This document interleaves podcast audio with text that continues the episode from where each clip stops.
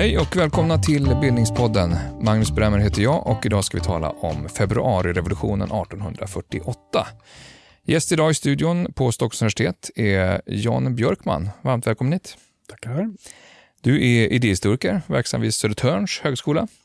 Men du disputerade här på Stockholms universitet på en avhandling om eh, svenska efterverkningar i radikala miljöer och politisk debatt efter just februarirevolutionen 1848, eller hur? Ja, det stämmer utmärkt. För lyssnare som aldrig hört talas om februarirevolutionen, vad var det för någonting? Ja, alltså, då skulle jag faktiskt vilja tala eller svara på två lite olika sätt. Okay. Ett lite snävare sätt Mm. och ett lite bredare. Mm. Eh, Snävt då så skulle jag säga att februarirevolutionen var en väldigt kort, intensiv och våldsam period av folkligt uppror i Paris i februari 1848 som ledde till att den så kallade julimonarkin föll och att den andra republiken skapades i Frankrike.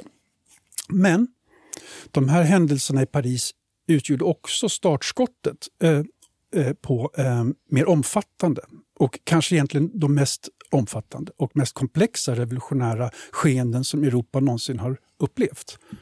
Och det här tänker jag är det bredare svaret.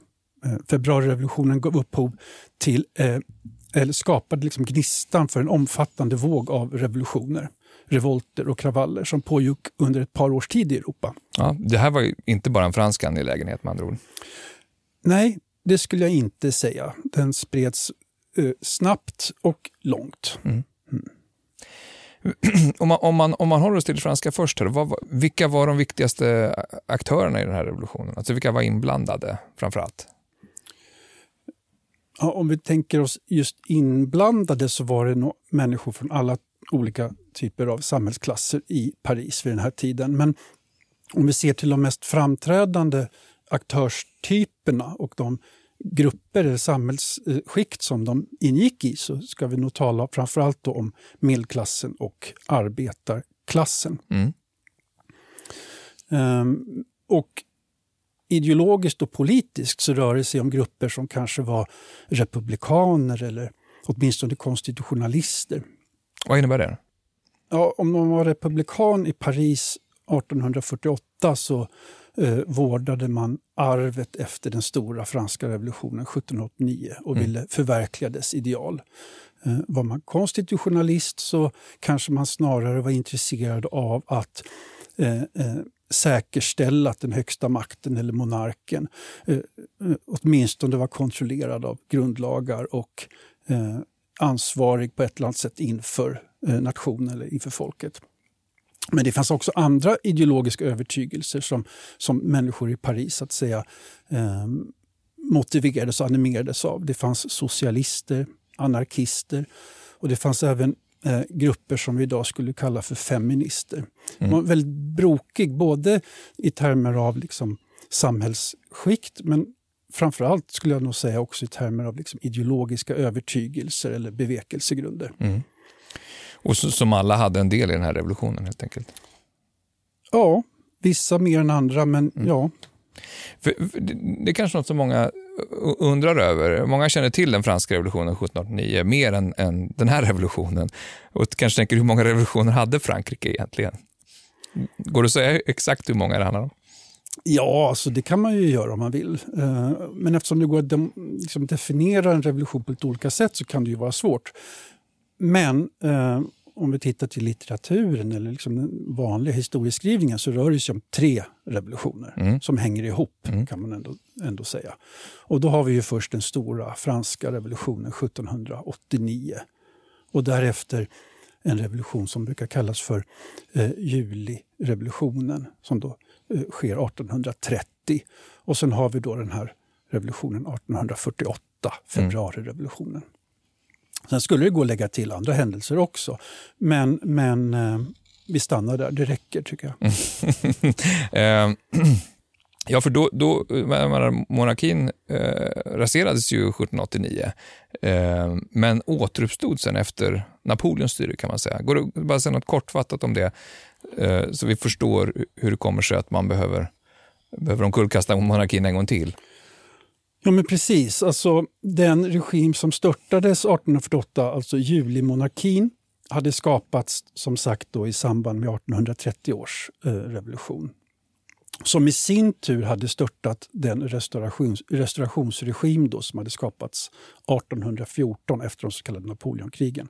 Och det här är ju ganska rörigt liksom, politiskt och diplomatiskt, men även militärt. då. Och lite svårt att hålla enkelt, men jag tror ändå att det går då, om, mm. om vi börjar lite grann från början. Mm. Eh, med den eh, första franska revolutionen år 1789 så skapas alltså den första franska republiken eller egentligen skapas den 1792, men revolutionen mm. bryter ut 89. Och då efter 1792, då, så ungefär i en tioårsperiod, en dryg tioårsperiod, så genomgår den här första republiken en mängd olika faser som så småningom, 1804, utmynnar i att Napoleon Bonaparte utropar sig själv till kejsare och republiken går under. Så då är vi framme vid 1804-1805 och Eh, en tioårsperiod av krig påbörjas i Europa. Där många av Europas eh, makter då går samman i en serie av väldigt invecklade koalitioner mot Napoleon. Mm. Bland annat Preussen, England, Ryssland, Österrike. Och så småningom då så är utgången av de här krigen att Napoleon besegras eh, med det berömda slaget i Waterloo.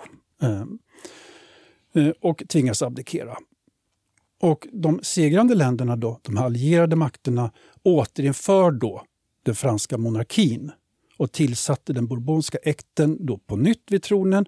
Alltså den familj som hade härskat i Frankrike före 1789. Mm. Så då ska liksom eh, allting som har hänt efter 1789 på något sätt raderas. Mm. Och så ska vi tillbaka till 1789. Och den perioden då, från 1814 till 1830 kallas då för den bourbonska restaurationen. Och det här var en väldigt reaktiv, konservativ period i Frankrikes historia. Eh, men samtidigt lever ju de här republikanska, som jag sa, konstitutionalistiska, även börjar växa fram socialistiska, anarkistiska och feministiska tankeströmningar.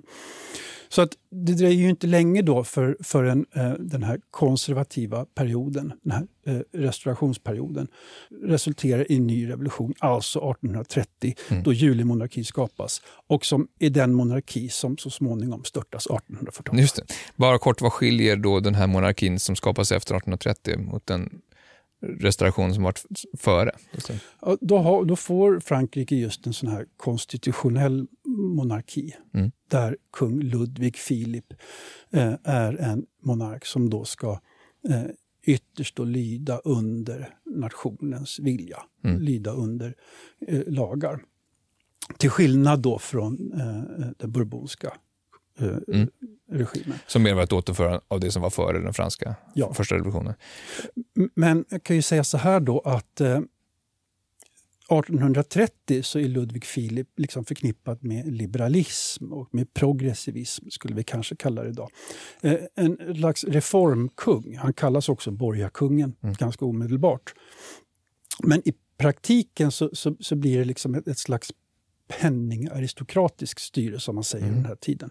Och de som faktiskt har eh, representationsrätt, eller de grupper som kan välja representanter som då ska stifta lagar och styra kungen då på det sättet, eh, uppgår inte till mer än 3% av den manliga franska befolkningen. Så det är ett mm. ytterst litet skikt då som har no någon, slags, någon slags kontroll över skeendena i Frankrike. Mm. Så det är stora, stora grupper i Frankrike från 1830 till 1848 som, som eh, eh, är missnöjda och mm. för vilka missnöjet också växer då med tiden. Och det är samma kung som, som avsätts 1848? Ja, kung Ludvig Filip. Så kortfattat, då, vad blir resultatet av eh, revolutionen 1848? Uh, ja, den andra republiken skapas um, och en ny konstitution. Det sker en mängd olika reformer. Bland annat så införs allmän manlig rösträtt. Men det är tillfälliga resultat. Mm. Um, ser vi bara över liksom lite längre tidsförlopp så, så, hem, så blir det inte så mycket av ett resultat. Kanske snarare en revolution i den här ursprungliga astronomiska bemärkelsen. Alltså mm. ett förlopp som, som liksom återvänder så småningom till den punkt där den först började. då. Um, revolutionen har ofta historiskt beskrivits som ett misslyckande. Mm. Som, en, eh, ja, men som en, en fars eller som en blek kopia liksom, av den ursprungliga mm. revolutionen 1789. Just för att det inte gav lika mycket resultat eller för att den, de inte varade så länge? Eller vad, vad bestod misslyckandet i framförallt? Ja, då, då, är det kanske viktigt att förstå liksom hur efter revolutionen har ägt rum eh, så, så att säga, stannar ju inte så att säga, skeendet. Utan mm. det sker en, en, en, fortsatt dynamik. En dynamik som, eh, som så småningom leder till att eh, republiken upplöses på nytt mm. Eh, och en ny kejsare utropas. Och Det där kan vi eh, komma in på lite senare. Men man tar, det är ändå ett märkesår, 1848. Eh, man, mer känd än då kanske än 1830 för fler och eh, oftare hänvisad till. Vad är det som är speciellt med den här revolutionen? Eh, kanske framförallt Frankrikes historia, men, men som revolution som sådan skulle du säga?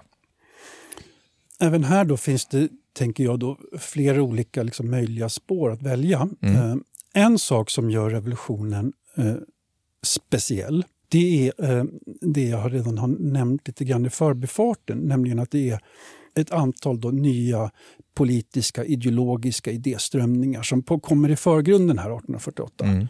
Och eh, arbetarklassen på något sätt eh, framträder eh, och eh, inte bara är, är någon slags upprorsmassa utan dessutom har sina egna liksom, ledare, skriver sina egna manifest och har sin egen agenda för det som händer i Paris. Då. Mm. Så det är ju någonting som är säreget, så någonting nytt skulle jag nog vilja säga. Eh, och som vi kommer tillbaka till. Mm. Men sen har vi den här andra eh, sidan då som jag också nämnde lite inledningsvis sådär att, att februarirevolutionen kan också ses som en impuls eller som en start på något mycket bredare i Europas historia, någonting komplext. Och, eh, det gör ju också revolutionen speciellt, tänker jag. Nämligen att en våg av uppror och revolutioner sprids väldigt, väldigt snabbt från Paris Eh, 1848 till stora delar av Europa faktiskt och även utanför Europa. I Sydamerika eh, sker det saker som är kopplade till den här revolutionen. Då. Även i Nordafrika sker det saker. Fler än 50 länder påverkas av oroligheterna. Sen påverkades inte alla länder naturligtvis på samma sätt. Eh, i, i, vissa länder eller i vissa områden, då, till exempel då i de stater som hör till nuvarande Tyskland och nuvarande Italien, så ägde regelrätta revolutioner rum. Eh, där eh, regenter störtades och nya regimer skapades. Så, så även i Österrike-Ungern. Eh, men på andra ställen, bland annat Skandinavien, så var det inte alls lika, lika eh, våldsamt och inte heller lika dramatiskt sett till eh, styrelseskick och sådana här saker. Men likväl liknande eh, händelser äger rum här. Det finns ett sånt här bevingat citat av uh, Metternich, heter han väl, österrikisk statsman som, som, som sa att när Frankrike nyser så får Europa en förkylning. Det var om revolutionen 1830, tror jag, men det är kanske mer sant om 1848 då egentligen. Ja, alltså, i, Paris var, kan man säga, i, i världens blickfång som, um, um, som åtminstone Europas liksom, eh, radikala huvudstad. Så att när nyheten om eh, revolutionen i Paris då sprids då i, med, med, med, posten och genom tidningarna så, så följer liksom befolkningar runt om i Europa och även på andra ställen efter. på mm. något vis.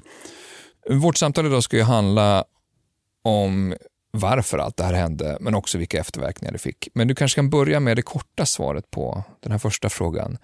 Varför just där och då, Paris, februari 1848?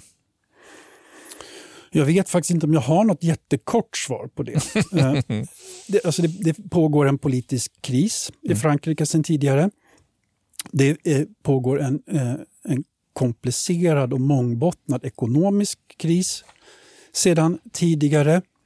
Och i Paris så finns det en mängd olika organisationer och hemliga sällskap som aktivt bedriver liksom en radikal politik. Det finns till och med grupper av yrkesrevolutionärer som försöker dra nytta av de här kriserna och provocera fram en revolutionär situation. Yrkesrevolutionär, det är deras jobb att, att skapa, om inte revolution så revolutionär stämning. Ja, och som eh, finansieras av eh, eh, människor som eh, lönarbetar, skulle jag tro, mm, mm. inom de här grupperna. Mm. Det, är ju, det tidiga 1800-talet är en oerhört dynamisk tid. Frågar du mig så är första halvan av 1800-talet kanske det mest spännande halvseklet i världshistorien. Men det, vi har stark befolkningsökning, vi har ökad läskunnighet som ger en växande offentlighet och vi har fritt pressväsende och ny teknik som du var inne på med ångmaskiner och eh, transporter som ger snabbare kommunikation. Vad tycker du själv är de viktigaste bredare linjerna för att man ska förstå liksom, den politiska utvecklingen på 1830-1840-talet, som, som, är, som är radikala årtionden? Ja, ja alltså när, när jag försöker tänka i sådana banor så kommer jag liksom hela tiden tillbaka till liksom ett begrepp eh, som är övergångsperiod eller brytpunkt på något mm. vis. Att här vid mitten av 1800-talet så befann sig eh, åtminstone i Europa i en väldigt tydlig övergångsperiod. Och människor som levde då upplevde det också och kände att de befann sig i en brytpunkt där ett äldre korporativt ståndssamhälle baserat på börd och privilegier gick i graven på ett påtagligt kännbart sätt. Då. Och ett nytt samhälle höll på att födas, då, det vi skulle kalla för ett kapitalistiskt samhälle byggt på privat ägande och fria marknadsutbyte. Och under den här övergångsperioden så är det otroligt mycket friktion i samhället. Um, till exempel då, för att eh, komma tillbaka till den grupp som, som jag tycker är så intressant under den här perioden, när vi talar om arbeten och arbetarklassen. Då, så eh, är det plötsligt då, eh, relativt plötsligt, 1830-1840-talet, så att eh, miljontals människor måste liksom genomlida nya fenomen, till exempel massarbetslöshet, handelskriser, eh, en mängd olika företeelser som eh, var nya på sätt och vis. Eh, fattigdom har funnits, eh, eh, lidande, misär har funnits. Men, men nu är det någonting nytt upplever människor. En ny typ av eh, utsatthet. Um, ny typ av fattigdom. Så det här är någon slags, typ, tänker jag, någon slags grundval, någon slags elementär erfarenhet som väldigt många människor gör mm. här i början på 1800-talet. Är det så rent av att, att just arbetarklassens roll i, eh, om inte så revolutionen enbart så i tiden, eh, är en av de sakerna som kan fogas till varför 1848 är en så speciell revolution. Tolkar jag det rätt då?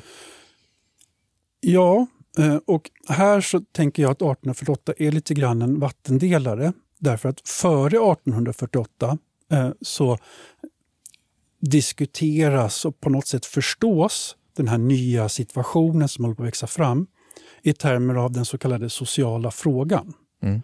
Där de här eh, fattiga arbetargrupperna liksom problematiseras och deras situation diagnostiseras. Men, men lite grann från ett ovanifrån perspektiv. Hur ska vi liksom göra med deras arbetsförhållanden? Hur ska vi liksom eh, hjälpa dem eh, i deras, eh, i deras liksom lidande och sådär. Men med 1848, och det tänker jag är en viktig poäng då, så, så bryter liksom fram ett, an, ett annat sätt liksom att närma sig de här frågorna. Eh, eh, ett, ett sätt som mer aktiverar eller utgår från arbetarna själva helt enkelt. Och som ofta kallas då för socialism. Att socialismen då bryter fram. Men perioden innan 1848 så, så finns det ju förstås också en mängd olika liksom, samhällssystem, radikala tänkare. Det finns en mängd olika visioner och projekt som syftar till liksom att, att eh, att förändra samhället till det bättre och åtgärda de brister som man menar sig uppleva. Och så där. Men som sagt, 1848 så, så görs den här kopplingen liksom mellan eh, idéer och visioner och projekt och eh, eh, en faktisk liksom, grupp människor, en samhällsklass som på något sätt ska förkroppsliga och bära fram de här idéerna mm. politiskt vad är det som gör den här, eh, de här årtiderna, precis före 1848, så, så, så radikala? Är det, är, bidrar alla de här sakerna som jag räknade upp tidigare med läskunnighet och offentlighet och, och gör, gör det på något sätt att, att elda det på den här liksom radikala nerven som någonstans ändå har funnits hela det här halvseklet? Ja, det, det skulle jag säga. Och, och, det bör också förstås liksom i kontrast till just alltså precis det du beskriver, den här rörelsen, den här utvecklingen, ehm, det här nya som håller på att växa fram sker ju på något vis i kontrast till Europas gamla regimer på något vis. Mm. Som inte är så intresserade av reformer och som inte vill utöka representationsrätten i det politiska systemet eller som kanske inte vill förändra ägandelagstiftning eller lagstiftning kopplat till ägande. Och, och som på något sätt sätter sig eh, som motståndare till, till det här. Då. Och det är det som skapar liksom krutdurken. Att, att, det, att, att det är som två motsatta krafter som inte vill vika ner sig på något vis. Mm. Det räcker nog inte med att säga eh, att det ena fanns utan det andra. Utan det här spänningsfältet uppstår att, att det finns motverkande krafter. Mm. Och, och, och, Vilka är liksom de politiska ideologierna som, är i, som florerar runt, runt det här året, 1848? Det kanske kändaste liksom, manifestet, inte bara knutet till 1848 men i politiska sammanhang överhuvudtaget skrivs 1848 av Karl Marx och Friedrich Engels som heter det kommunistiska manifestet. Just, det är samma år som revolutionen. Det är samma år mm. som revolutionen. Men de, eh, de tankar som uttrycks där är, är, är delvis nya eller har ett an, liksom en annan, eh, delvis en annan laddning och en annan, ett annat tilltal finns kanske. och så. Men, Men hänger, hänger publiceringen på något sätt ihop med revolutionen? Finns det någon så här, direkt koppling?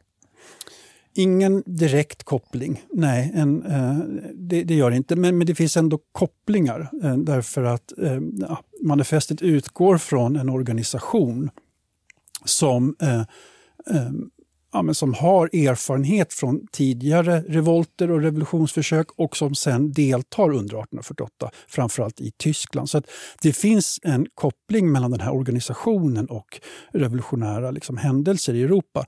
Men manifestet som sådant är inte skrivet, eh, varken skrivet i avsikt att på något sätt eh, leda revolutionsrörelsen eller så. Och eh, läses inte heller på det sättet och har faktiskt kanske egentligen inte så jättestor betydelse, om ens någon, under under själva eh, revolutionsåret. Då. Andra strömningar? För det finns eh, parallella eh, strömningar till eh, kommunismen vid den här, och socialismen vid den här tiden. Ja, alltså många av de politiska etiketter som vi själva använder för att tänka liksom, polit etik i mer ideologiska termer, till exempel liberalism eller konservatism. Men som sagt även anarkism och feminism. Alla de idéströmningarna befinner sig under en, liksom en väldigt dynamisk, expansiv och kreativ fas eh, i början på 1800-talet. Så är det. Eh, och precis som jag tänker med till exempel då socialismen så, så innebär 1848 också någon slags böjningspunkt, om inte en brytpunkt, eh, för de flesta av de här ideologiska tankeströmningarna. Eh, erfarenheten 1848 sätter liksom eh, sin prägel på dem på något sätt. Och diskussionerna kring dem? Ja. Mm. Hur, hur, hur märks det? Ett exempel då skulle kunna vara att att vara liberal på 1840-talet, före 1848, kan mycket väl betyda att man också är revolutionär. Och det har ju att göra med att de regimer man vänder sig mot tillåter ju inga eh, parlamentariska reformer. Och så det finns inga sådana vägar. Så att, att vara liberal 1800, låt säga 1845 kan mycket väl vara att, att gå på, liksom på gatorna och göra revolution. Men efter 1848 så blir det mycket, mycket mer sällsynt. Så på sätt och vis så liberalismen blir liksom en mer icke-revolutionär då, ideologi efter 1848. Och det blir mer mainstream helt enkelt? Mer mainstream och mer liksom, eh, arbeta inom ramen för, för systemet, om man så säger. Okay. Mm. Finns det andra faktorer än, än rent sådär politiskt ideologiska som, som gjorde att, att liksom revolutionen låg nära till hands vid den här tiden? Ja, eh, mycket av det mer direkta missnöje som eh, florerade i Paris, men också på andra ställen i Europa, eh, hade ekonomiska orsaker. I, mm. I Paris till exempel så var väldigt många människor arbetslösa just vid den här perioden. Eh, vi har sett siffror på att uppemot 40 procent av alla franska arbetare, eller förlåt, alla parisiska arbetare var arbetslösa mm. i, i, samband med strax innan revolutionen och så. Och, och det är, eh, liksom bygger på, eller byggde på Eh, Eh, komplexa saker. Då. Men i, i, botten av allt det här så låg eh, en serie år av missväxt och dåliga skördar och svältår i Europa och även i Frankrike. Då. Så 1845, 46 och 47 så eh, genererade skördarna inte tillräckligt mycket helt enkelt. Så mm. det, var, det var liksom på svältens rand på många platser och på vissa platser, till exempel Irland, så var det ju betydligt mer än så. Där var det ju regelrätt svält. Eh, så även om Parisarbetarna kanske inte svalt ihjäl så fanns det ett, ett, ett, ett fundamentalt missnöje. Eh, och åren innan revolutionen i Frankrike, om vi säger 1846-1847, så var det över 400 tror jag att de räknar till. 400 upplopp eller kravaller kopplade till matpriser och sådana saker. Och liknande i Tyskland. Ja, det var inflation också ja, och, ja. och bankkriser samtidigt. Helt rätt. Om vi skulle gå in lite på revolutionsförloppet, vad, vad är det som till slut får bägaren att rinna över? Ehm, det låter som att det finns goda, goda skäl till, till dålig stämning, men vad är det, vad är det, som, vad är det som tänder gnistan? Så att säga? Ja, precis. Alltså då, då är det så här att, eh, som jag har nämnt då, så är det två eh, motsatta liksom, krafter som står emot varandra här. Reformister, republikaner, eh, revolutionärer. Och så har vi å andra sidan en regim som inte vill eh, böja sig eller göra eftergifter. Det oppositionen gör då, eller reformvännerna gör, är att arrangera en, eh, en reformkampanj, en bankettkampanj där de arrangerar middagar och håller tal och utbringar skålar för att utöva någon slags press på regimen. Mm. Att, att, att, för att, Hur utövar middagar press på regimen? Ja, bra fråga. Eh, visa folklig opinion på mm. något vis. Visa samling? Liksom. Visa samling, visa opinion. Eh, få regimen att känna sig ensam och isolerad. Och kanske lite tråkig också, när mm. motståndarna har fest. Jag vet inte. Eh, men, och då planeras en sån här reformenkät i Paris eh, den 22 februari 1848. Men den förbjuds. De får inte hålla den. Och arrangörerna är beredda att acceptera eh, beslutet och eh, drar sig liksom undan. Men eh, människor på gatan, de stora eh, parisiska massorna, vill inte ge med sig. För de tänker demonstrera ändå. Mm. Vilket de gör. Och då sätts det, det skulle liksom ha varit en, en, demonstration parallellt med de här festligheterna? Ja. Mm. Då går det ganska snabbt då, när, när det väl sätter igång. Då. Eh, men den 22 februari så blir det liksom eh, demonstrationer, det blir lite bråk på gatorna, men det eskalerar. Och så den 22, 23 februari, dagen efter, då, så eh, mobiliseras nationalgardet. Och, och, det är en militär styrka då, som ett arv efter revolutionen 1789 som inte tillhörde reguljära armén utan som är en slags borgararmé. Men vad händer då? Jo, många soldater inom nationalgardet vill inte strida mot befolkningen utan tvärtom eh, gör gemensam sak med dem. Mm. Och då börjar det förstås se ganska mörkt ut då för Ludvig Filip och hans regering. Så det sätts igång eh, eh, försök att ombilda regeringen, att liberalisera den, att göra den mer frihetlig och så. Men då har liksom bollen redan kommit i rullning och, och det liksom är lite grann för sent. Och, Eh, det som kanske liksom verkligen får det att, att, att, att, på något sätt spinna iväg och göra liksom revolutionen ofrånkomlig, det är att sent på kvällen den 23 februari så drabbar liksom en folkmassa samman med ett eh, infanteriregemente, ett militärt förband. Eh, och det blir liksom eh, kaos. Soldaterna öppnar eld, över 50 personer dödas och många fler skadas. Och det här skapar förstås ilska. Nyheten sprids jättesnabbt i Paris och en mängd rykten sprids kring det som förvärrar det ännu mer. Ehm, och då blev det ju liksom revolution på riktigt. Eh, så natten mellan den 23 februari och den 24 februari så bygger parisarna barrikader runt om i Paris. Över 1500 eh, barrikader byggs. 1500 barrikader på natten? Ja, mm. byggs på natten. Um, så hela Paris var liksom barrikaderad där på morgonen den 24 februari. Um, och då um, ser det liksom mer eller mindre lönlöst ut då för Va, regimen. Vad innebär det mer konkret? Alltså barrikader kopplar man, man kopplar liksom det visuellt till eh, de här 1800-talsrevolutionerna. Men vad innebär det rent eh, konkret för revolutionen? Alltså strategiskt är det ju en, eh, dels ett sätt att, att styra motståndarens rörelser i staden. Um, att, att förhindra truppförflyttningar. Mm. Men sen så är det också ett sätt att förskansa sig förstås, att skaffa sig strongholds, att, mm. att försvara positioner och så. Hur, hur utvecklas det sen då den närmsta tiden? Före eh, den här händelsen då med, med eh, eh, ja, där skott eh, briserar och människor skjuts ihjäl. Om det hade varit oklart då vad, vad massan egentligen så att säga ville, mm. så var det inte det efter då. Utan nu var det tydligt då att nu, nu var det revolution som gällde, mm. helt enkelt.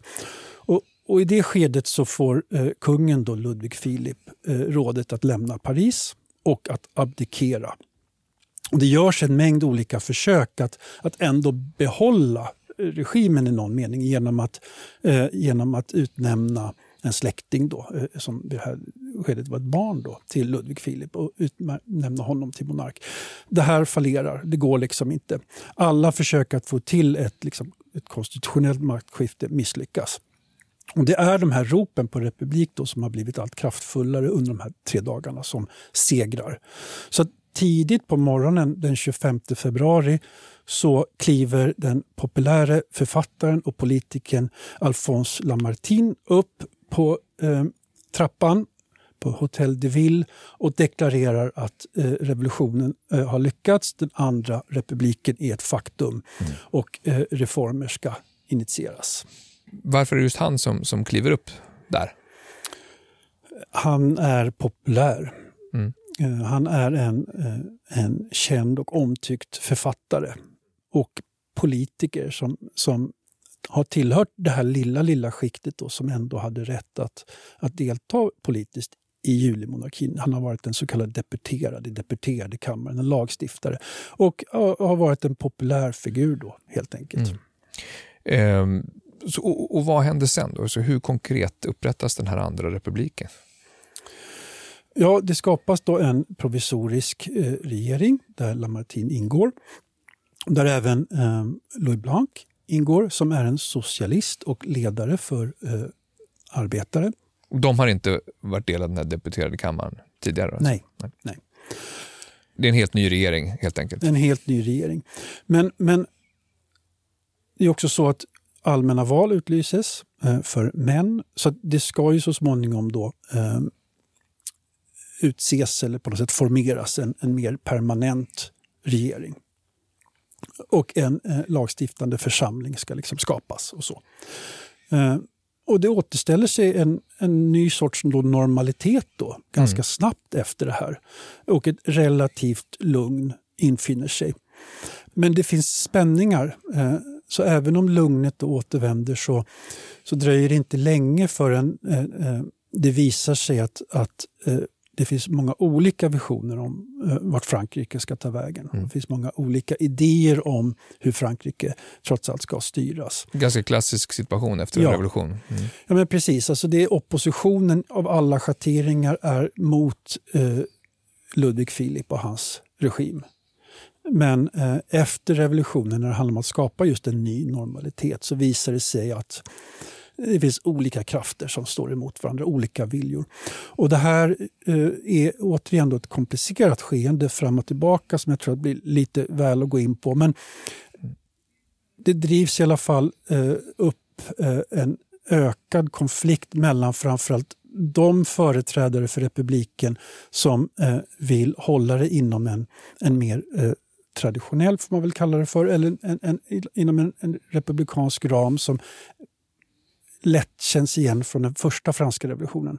Och å andra sidan de som skulle vilja liksom även involvera nya frågor eh, och tänker sig kanske en social republik eller en röd republik. Alltså en republik som, som, som ska eh, även skapa ekonomisk demokrati eller eh, omfördelningspolitik och arbetarinflytande på verkstäderna och sådana här saker. Och vad blir resultatet där?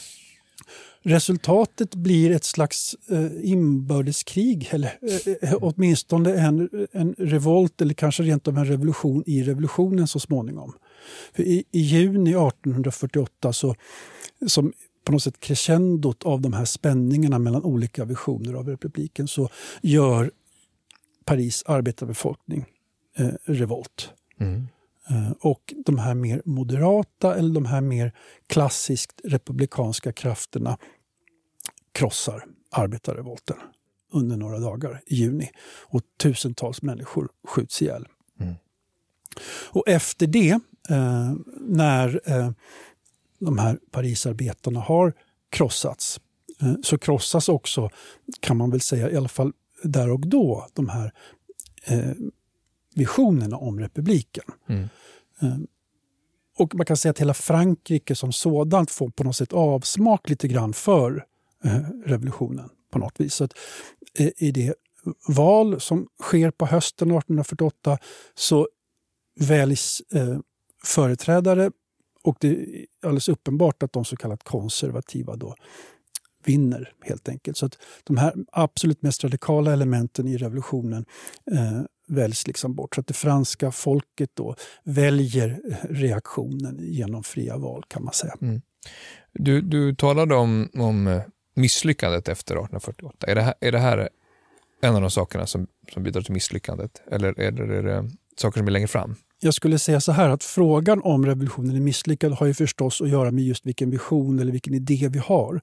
Så att eh, jag skulle nog säga att de som, som eh, såg till att det här arbetarupproret kvästes, eh, de menade sig nog rädda revolutionen och såg till att den lyckades i sin ursprungliga avsikt. och så. Medan de som då kanske hade de här mer socialistiska eller radikala tankarna om revolutionen menar att här dog revolutionen på något vis. Men det går även som historiker så här i efterhand att ta lite grann ställning här därför att ytterligare en liten tid senare så dog ju faktiskt republiken då. Det blev en ny eh, kejsare i, i, i, Frankrike. När hände det? Definitivt så, så hade det hänt 1852 när eh, eh, den första Napoleons brorson eh, utropade sig själv till kejsare och följde sin farbrors då fotspår. Men vägen dit då eh, ja, men handlade just om att det, det franska då, folket som kanske i första hand då, eh, trots allt var agrart, bodde ute på landet, jobbade inom eh, jordbruket och så, valde eh, fram eh, eh, Louis Napoleon Bonaparte till president. Eh, och det gjorde han redan 1848 på slutet, på hösten. Och sen utnämner han sig själv till kejsare? Ja, genom en serie invecklade eh, intriger. Mm. Det är ett annat poddavsnitt, men du pratade om att en av de speciella sakerna med den här revolutionen är just hur den sprider sig i Europa och världen. Um, vi ska ta Sverige som ett exempel. Tänker jag. kan du först kort bara säga någonting om, om, om eh, hur den spridningen ser ut? Upp till 50 länder pratar du om. Mm. Ja, det går väldigt snabbt. Uh, inom någon vecka bara så är det revolution uh, på många andra håll i Europa. Och inom ungefär fyra veckor så är det oroligt även i Stockholm. Nyheten kommer hit snabbare men fyra veckor tar det förrän liksom oroligheterna sätter igång. Mm. Uh, vi har varit inne på uh, vissa av anledningarna till att det sprids på det här sättet. Då. kan bara repetera att många av de här uh, missnöjesorsakerna som fanns i Frankrike fanns ju även på andra håll. Alltså ekonomisk kris och politisk kris och den här dynamiska liksom, friktionen där en mängd olika eh, eh, strömningar växer fram och verkar. Finns ju inte bara i Frankrike, utan den finns ju på andra håll. Um, Men sen är det också så att eh, till skillnad från Frankrike så eh, är det ju så att till exempel i de tyska områdena, eller i, i det vi kallar Italien idag, eller Österrike, eh, Ungern, så, så finns det inte nationalstater i, i den meningen som vi tänker om. Eh, det finns en mängd mindre stater och det finns eh, ett kejsardöme och sådär. Eh, så att när de här idéerna sprids då från Frankrike om att störta de gamla regimerna och så där så får det också en nationalistisk prägel på ett sätt som de inte har riktigt i Frankrike. Så att eh, i Tyskland då till exempel så, så eh, tillsätts liksom parlamentariska eh, regeringar i olika småstater. Eh, men det liksom anmärkningsvärda är att det skapas då en slags alltysk nationalförsamling i Frankfurt som gör sig till jobb då att ena de här tyska småstaterna och skapa ett stort Tyskland. Um, så det, det särskiljer Tyskland. Och liknande saker ser vi då i Italien då, där det å ena sidan finns en stark påvemakt och vi har enväldiga kungar i Neapel och Turin och vi har ett Österrike som behärskar stora delar av norra Italien. Så att i Italien då så eh, har vi alla de här upplysningens och den fransk, stora franska revolutionens idéer men vi har också den här ambitionen att ena Italien den här nationalistiska tanken. Och i Österrike, eh, Ungern då, som, som består av en mängd olika folkgrupper så uppstår det oroligheter i Ungern och i, i nuvarande Tjeckien och så vidare som handlar om frihet eh, på någon slags nationalistisk grund då, från eh, österrikisk överhöghet. Mm. Om vi skulle vända blicken mot Sverige då, eh, hur, hur ser rapporteringen ut i, i svenska tidningar? Hur, hur, hur, snabbt uppmärksammar man att någonting, någonting är på gång i Paris? Ja, i, i, våra dagar med, med, internet och så, så är det ganska långsamt då. Men, men där och då så får väl sägas att det är blixtsnabbt. Inom eh, tio dagar ungefär eh, så är tidningarna fulla av nyheter. Mm. Um, och det tas emot um, eller, alltså den svenska diskussionen är liksom kluven då. Många är ju väldigt eh, begeistrade och glada och eh, hoppfulla inför det som sker och andra är tvärtom då. Eh, mm. För, bestörta och, och, och förskrämda. Hur, hur, hur lät det i, i, i svenska tidningar? Jag ber dig ta med något exempel. Ja, alltså då har jag tagit med mig eh, eh ett nummer här då av Söndagsbladet. Ehm, så här skrev Söndagsbladet den 5 mars 1848. Det är en Stockholmstidning? Det är en Stockholmstidning, helt rätt. Upprorets fackla kastar sina gnistor över Paris som är fullkomlig revolution. Italien ryker av blod. Schweiz håller hanen spänd på geväret och Frankrike, Europas eget hjärta, darrar under det borgerliga kriget. Är lugnet där försvunnet dröjer det i många dagar innan Tyskland står i ljusan låga. Från Tyskland sträcker sig upprorsfacklan sitt sken över Danmark och hertigedömena och var den sedan stannar står i vida fältet. En ny världsrevolution synes efter alla tecken stå för dörren. Och man har så länge lekt med elden att det icke är undligt om lågan en gång bryter lös. Intressant. Världsrevolution. Um, hur, hur, är läget i Sverige när det här skrivs? Ja, alltså Sverige följer, skulle jag nog säga, liksom det allmänna europeiska liksom, utvecklingsmönstret. Um, det är klart att eh, när vi talar om såna här saker som industrialisering och eh, kapitalism och lönearbetare och sådär, så ligger ju inte Sverige i bräschen på något sätt. Det finns ganska få eh, människor i Sverige som skulle kunna klassificeras som arbetarklass till exempel under 1800-talet eller 1840-talet. Men går vi istället den här mer ideologiska, eh, eh, idémässiga nivån så är Sverige absolut med så att säga, i den, det större europeiska sammanhanget. och så. Det finns något som brukar kallas marsoroligheterna i, i Stockholm framförallt. Va? Ja. Eh, när inträffar de? Ja, de inträffar ungefär en månad då efter eh, februarirevolutionen. Eh, den 18 mars på en lördag eh, påbörjas det och sen håller det på den helgen. Då. Och, och, den börjar då intressant nog på ungefär samma sätt som den började i Paris. Även i Stockholm fanns det ju oppositionella då förstås, eller i svensk politik i stort, då, som, som ville se reformer och som ville se en liberalisering av svensk lagstiftning och svenskt politiskt system och svensk ekonomi och sådär. Eh, och precis som i, i Frankrike, eller inspirerat då förmodligen eh, från Frankrike, så, så, så, skapas det en slags bankettkampanj med reformmiddagar även i Sverige. Mm. Så att den 18 eh, mars 1848 så planeras då en sån här reformmiddag i Stockholm. Och den eh, går av stapeln eh, och det är inga konstigheter med det. Men precis som i Paris då så finns det ju alla dessa andra människor som inte är inbjudna till middagen. Mm. Och de samlas liksom utanför eh, eh den här middagen då och börjar skrika slagord och börjar kräva eh, eh, representationsreform. Alltså rösträtt i praktiken? I praktiken, mm. ja.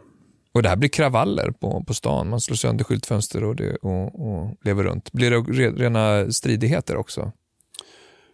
Det blir det. Um, kanske inte omedelbart. Alltså omedelbart så är det som att, att uh, kung Oscar den första och hans regim uh, har liksom is i magen och kanske inte tar det på det allra största allvaret. Uh, kungen ska till och med själv ha gått ut, i, gått ut bland folket och liksom talat människor till rätta och sådär. Men dagen efter, sen på söndagen, så, så eh, fortsätter ändå kravallerna och fönsterkrossningen och skadegörelsen och slagorden och så mm. vidare. Mm. Och då svarar eh, eh, regeringen då eh, hårdare, mycket hårdare och ska liksom rensa gatorna. Eh, dels genom att rida så kallad chock, att rida in i folkmassan, hugga och slå med, med sablarna för att folk ska skingras.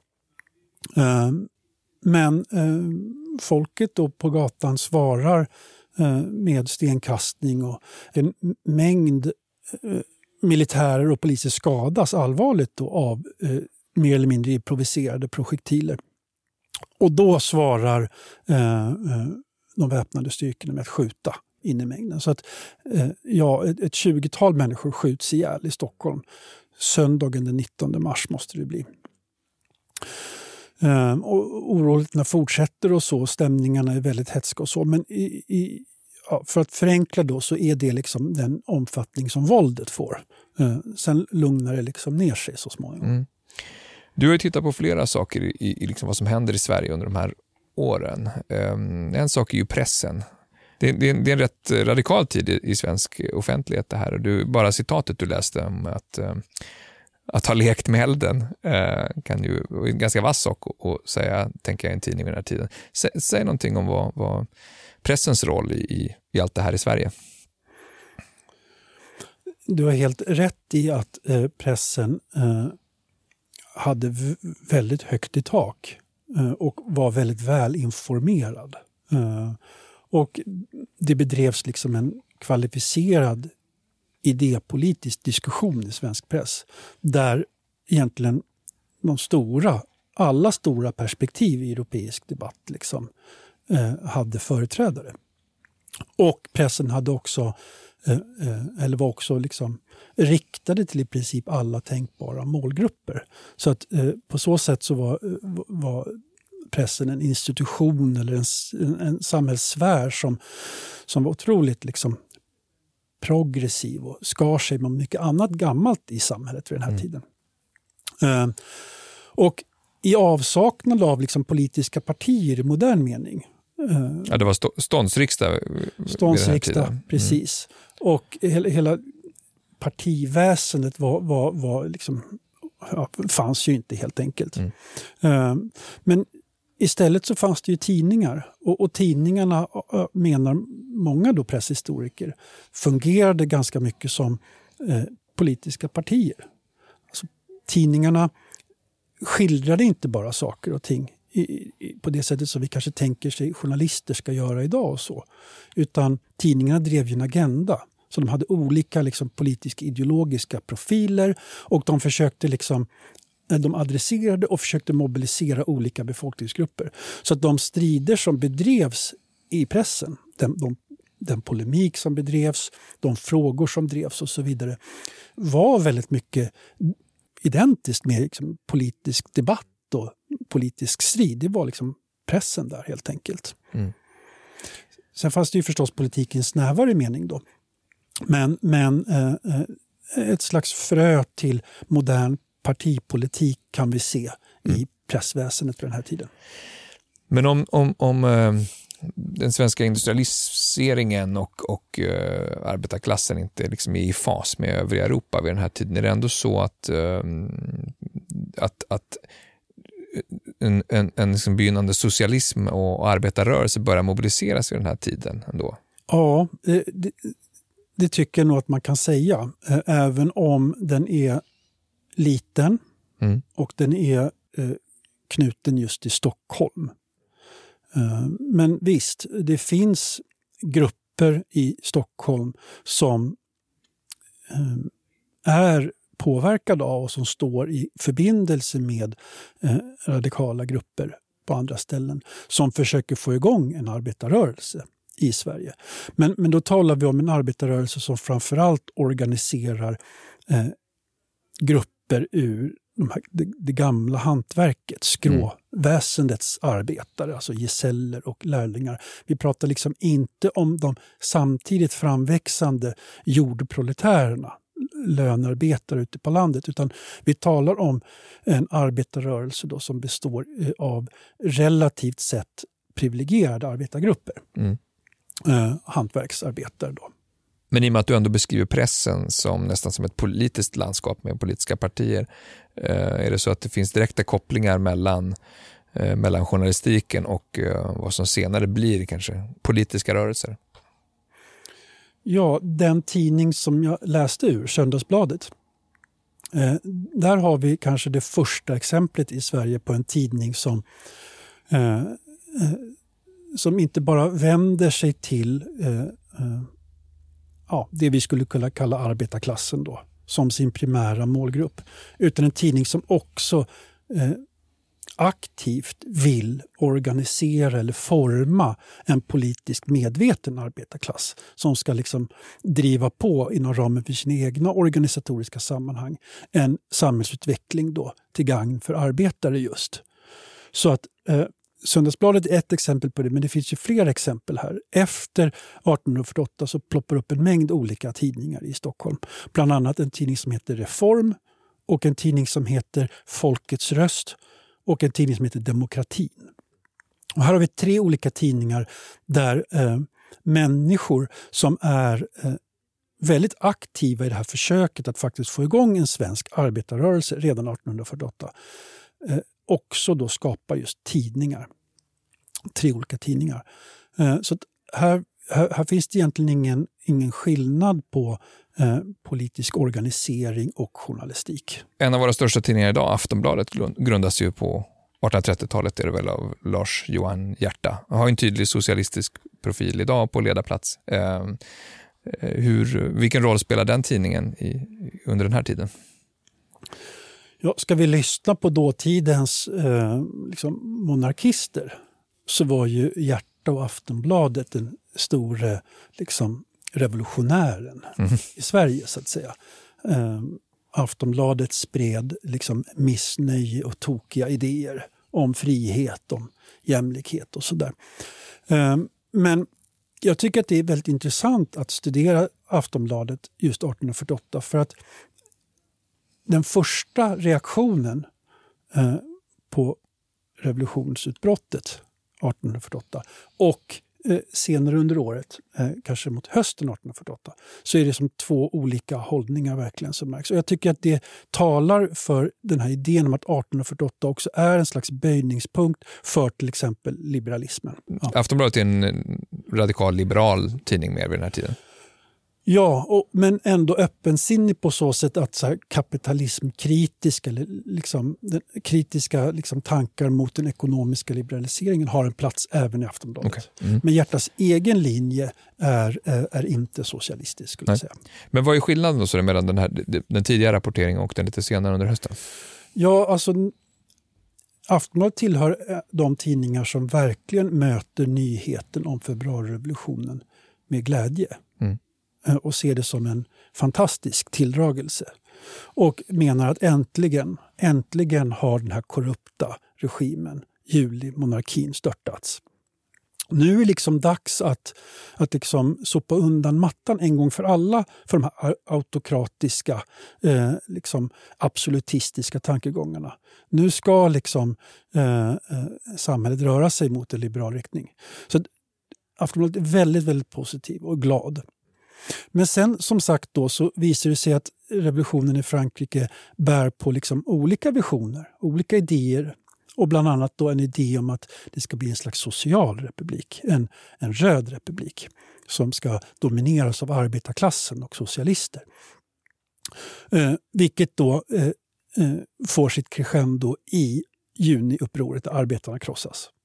Och någonstans där då så ändrar Aftonbladet sin linje Eh, och blir mer kritisk mot inte bara revolutionen i Frankrike utan mot revolutionen som sådan, så som politiskt verktyg eller så som metod för att bedriva politik.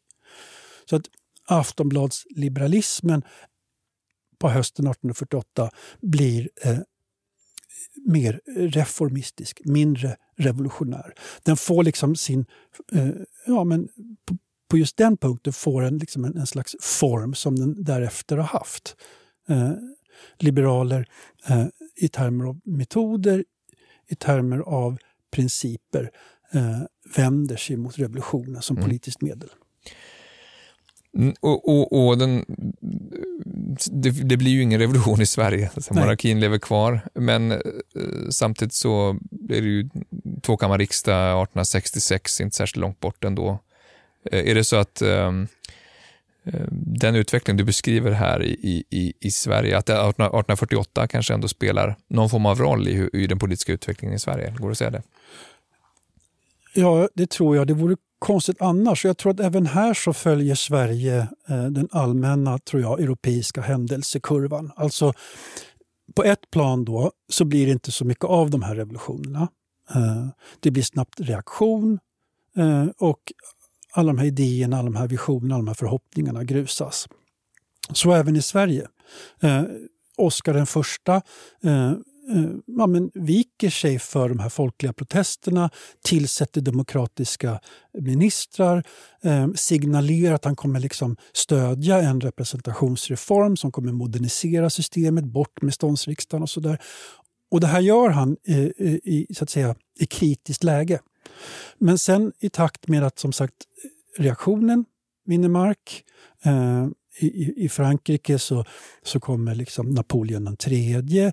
I i Tyskland, Österrike, Italien så, så liksom repar sig de här äldre regimerna. Och då finner också eh, Oscar den förste mod att strunta i sina tidigare utfästelser om eh, reformer. Så det blir ingenting. Men det är ju bara det korta perspektivet. Det långa perspektivet så är ju ändå revolutionen agendasättande. Eh, så att alla regimer som, så att säga, som överlever eller som skapas på nytt efter revolutionerna har ju ändå fått en utmaning här nu. Det, det, det, behöver reformeras, det behöver liberaliseras. Arbetarnas villkor måste kanske tas om hand eller på något sätt bli bättre. Så det som sker då är ju en, en gradvis reformering i enlighet med revolutionens idéer. Mm. Men det sker liksom ovanifrån under kontrollerade former. Så på det sättet så lyckas ju ändå revolutionen. Ja, men så vad skulle du sammanfattningsvis säga att 1848 har för roll i liksom 1800-talets politiska utveckling och kanske också i, för demokratins eh, framväxt?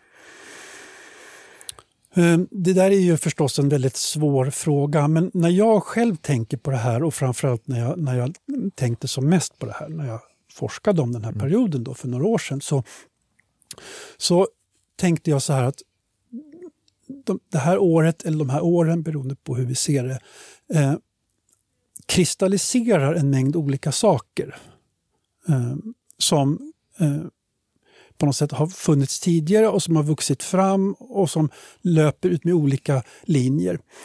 I en slags punkt då, eh, där allting på något sätt briserar. Mm.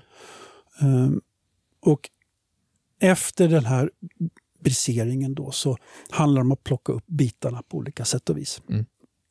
Så det är mer ett, ett, dramatiskt symptom på någonting som egentligen är underläggande och, och liksom på gång, en vågrörelse? Ja, i den här övergångstiden då så, så finns det då som sagt de här motverkande krafterna som på något sätt måste konfronteras på något vis. För lyssnare som har blivit inspirerade av det här samtalet och vill lära sig mer om 48 och eh, kanske orsakerna bakom eller, eller, eller efterverkningarna, har du några lästips? Jag har flera faktiskt, men det första jag vill säga egentligen, eller det första jag vill liksom rekommendera alla att göra, det är att gå till Kungliga bibliotekets hemsida och upptäcka att där finns ju faktiskt tidningar digitaliserade från den här tiden. Det går alltså att själv läsa eh, vad Aftonbladet då till exempel, eller Söndagsbladet som jag läste, skrev då. Så det är fantastiskt. Det vill jag verkligen uppmana att göra. Det är ett par klapp, knapptryck bort bara. Mm. Eh, och sen när det kommer till böcker då, om, om någon är intresserad av att köpa en bok då, så har det mesta som har skrivits inte skrivits på svenska eh, utan har skrivits på engelska, franska och tyska. Och där finns det jättemycket mm. jättebra saker att hitta. Eh, har du en favorit? Alltså egentligen inte. Mm. Uh, alltså jag har läst så många böcker liksom, så att jag kan inte riktigt peka ut någon. Uh, men däremot så skulle jag vilja peka ut då ett par svenska titlar mm. mm. ändå. Uh, och ett tips är Jan-Gunnar Rosenblad och Gunnel Söderholms bok 1848, Nationalismen föds i ett brinnande Europa från 2018. Och jag tycker att den här är intressant. Dels därför att den tar det här större europeiska greppet om revolutionsskedet 1848, vilket jag egentligen tycker är nödvändigt att göra om vi ska förstå det. Men sen är den också intressant och väldigt rolig att läsa därför att den eh, låter en möta då många av revolutionens händelser och personer på ett väldigt nära sätt genom att liksom läsa dåtidens just pressmaterial. Så den har liksom flera fina sidor tycker jag, den här boken.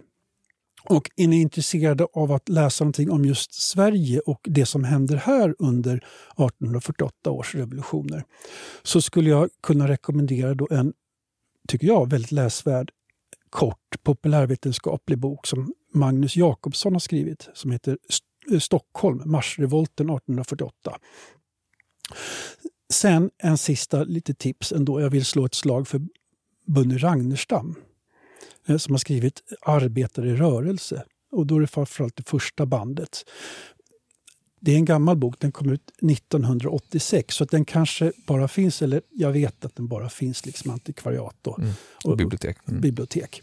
Men definitivt läsvärd därför att han eh, skriver väldigt bra och väldigt levande om just de här arbetargrupperna och den här tidiga eh, socialismen i Sverige under den här tiden. Det får bli dagens sista ord. Jan Björkman, tusen tack för att du ville vara med i Bildningspodden. Tack så mycket. Tack också ni som har lyssnat. Vi är tillbaka om ett par veckor med ett nytt avsnitt. Vill ni veta mer om våra gäster och våra publiceringar, gå in på anekdot.se eh, och prenumerera på vårt nyhetsbrev. Ni kan också följa oss på Instagram där vi sprider all info om våra publiceringar. Tack för att ni har lyssnat.